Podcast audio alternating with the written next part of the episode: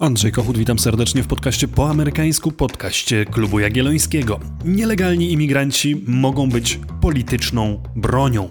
Dziś będzie o tym, jak republikańscy gubernatorowie transportują tych, którzy bezprawnie przekroczyli amerykańską granicę w głąb kraju, do demokratycznych miast, chociażby na wschodnim wybrzeżu. A wszystko po to, żeby nadepnąć na odcisk liberalnej części opinii publicznej.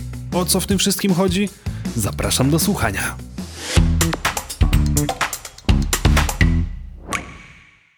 Ale zanim zaczniemy, jedno ważne ogłoszenie. Wciąż oczywiście można kupić moją książkę Ameryka Dom Podzielony. Książka dla wszystkich tych, którzy chcieliby lepiej zrozumieć panujące w Stanach Zjednoczonych podziały. Myślę, że to pozycja również dla tych, którzy dopiero zaczynają swoją przygodę z amerykańską polityką i nie wszystko jest jeszcze dla nich jasne. Ameryka Dom Podzielony. Więcej informacji znajdziecie w opisie tego odcinka. A dzisiejszą historię zaczniemy od Martha's Vineyard, niewielkiej wysepki na wschodnim wybrzeżu Stanów Zjednoczonych. Niezbyt dużej, zamieszkałej ledwie przez kilkanaście tysięcy ludzi, zielonej, pełnej urokliwej, drewnianej zabudowy, są też piękne plaże, no i wyspa jest jednym z ulubionych miejsc wypoczynku zamożnych ludzi z Massachusetts, ale także autorów, pisarzy, celebrytów, aktorów, polityków. Chętnie bywali tutaj Clintonowie, czas spędza tutaj Barack Obama, który kupił nawet rezydencję właśnie na Martha's Vineyard. I właśnie dlatego ta wyspa pojawiła się ostatnio w centrum amerykańskiej debaty, bo kilka dni temu wylądował na niej samolot, a na pokładzie tego samolotu znajdowało się około 50 nielegalnych imigrantów z Wenezueli głównie, którzy niedawno przekroczyli południową granicę Stanów Zjednoczonych. Jakim cudem znaleźli się tak daleko na północ, na wysepce będącej raczej miejscem wypoczynku zamożnych liberałów ze wschodniego wybrzeża? Za tą przedziwną operacją stał gubernator Florydy, republikanin Ron DeSantis. To on zorganizował podróż, a najpierw w ogóle zgromadził tych kilkudziesięciu imigrantów. Jego ludzie znaleźli ich w Teksasie, później oni trafili na pokład samolotu, przepolecieli na Florydę, a później aż do Massachusetts. Po co? Zdaniem DeSantisa to demokraci z takich stanów jak Nowy Jork czy Kalifornia walnie przyczyniają się do wzrostu liczby nielegalnych imigrantów to miejsca właśnie takie jak Nowy Jork czy Waszyngton, Sanctuary Cities, miasta, które zapowiadają, że nie będą współpracować z władzami, e, żeby łatwiej deportować nielegalnych imigrantów, odpowiadają za tą liczbę nielegalnych imigrantów, która ostatnio bardzo szybko rośnie. Powinni zatem wziąć odpowiedzialność za to, co się dzieje, no i właśnie dlatego do rządzonych przez demokratów miast i stanów powinni trafić imigranci z Teksasu czy Arizony. Samolot do Martha's Vineyard to zresztą tylko początek, bo legislaturze Florydy udało się już wyasygnować 12 milionów dolarów na ułatwienie nielegalnym imigrantom podróży na północ.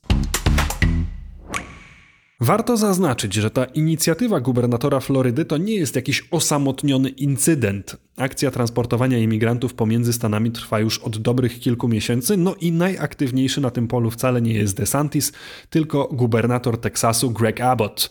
Autobusy z imigrantami wysyła i wysyła do Nowego Jorku, do Waszyngtonu, do Chicago i mówimy tu nie o incydentalnych przypadkach, ale o zmasowanej akcji. W ramach tej akcji do stołecznego dystryktu Kolumbii trafiło nawet 10 tysięcy imigrantów. Burmistrz DC kilka dni temu ogłosił stan wyjątkowy i mówi o klęsce humanitarnej. Nowy Jork, który gwarantuje prawo do schronienia i posiada zresztą rozbudowany system noclegowni dla bezdomnych, również dotarł niemal na skraj własnych możliwości. Powód? Około 11 tysięcy imigrantów, którzy dotarli do miasta tylko od maja tego roku.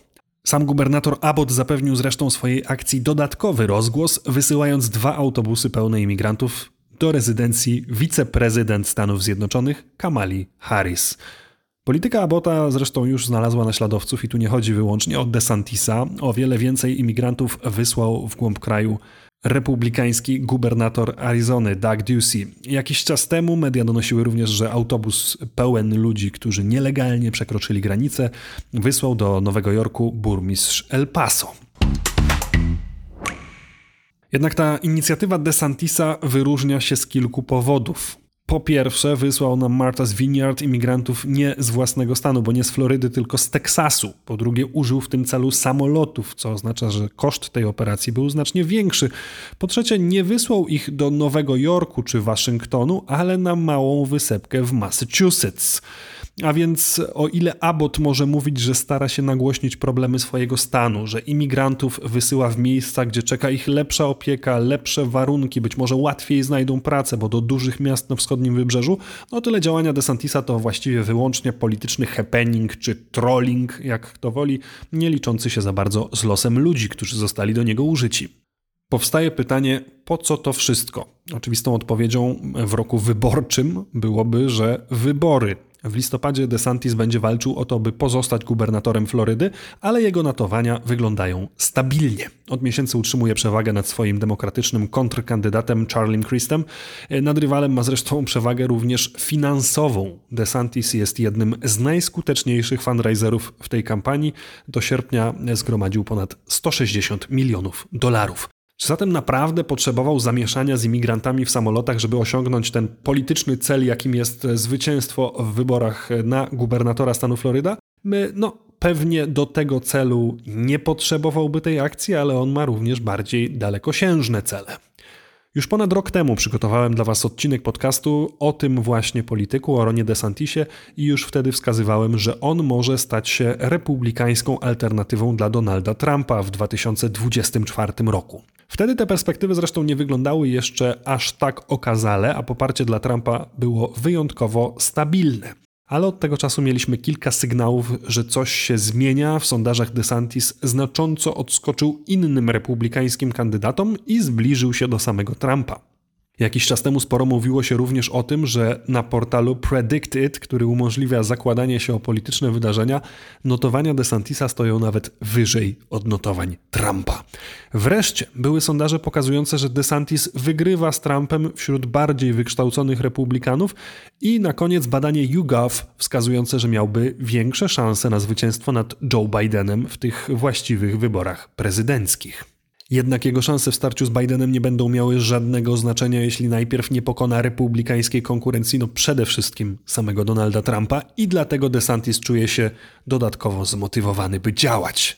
Poprzednie cykle wyborcze pokazały, że kwestia imigracji to jest coś, co bardzo mocno oddziałuje na republikański elektorat. No, wystarczy powiedzieć, że w 2016 roku Trump triumfował, obiecując, że wybuduje słynny mur. W 2024 roku kwestia imigracji znowu może mieć olbrzymie znaczenie ze względu na ogromną krytykę polityki imigracyjnej Joe Bidena. Tylko w ostatnim roku, od października 2021 do września 2022, strażnicy graniczni dokonali ponad 2 milionów 300 tysięcy aresztowań osób, które oczywiście próbowały nielegalnie przekroczyć granicę. Republikanie uważają, że za ten ruch imigracyjny, bardzo wzmożony w ostatnich miesiącach, odpowiada bezpośrednio Biden, a także inni demokraci, ze względu na to, że opowiadają się za mniej restrykcyjną polityką imigracyjną. No i w tej sytuacji Donald Trump bez trudu udowodni, że jego stanowisko wobec imigracji nie budzi wątpliwości. To on chciał budować mur, to on chciał bardziej restrykcyjnej polityki imigracyjnej. DeSantis musi swoją pozycję dopiero zbudować i prawdopodobnie dlatego ucieka się do takich skomplikowanych, dosyć egzotycznych działań jak poszukiwanie imigrantów w innym stanie, by następnie wysłać ich samolotem na bardzo liberalną wyspę na wybrzeżu Massachusetts.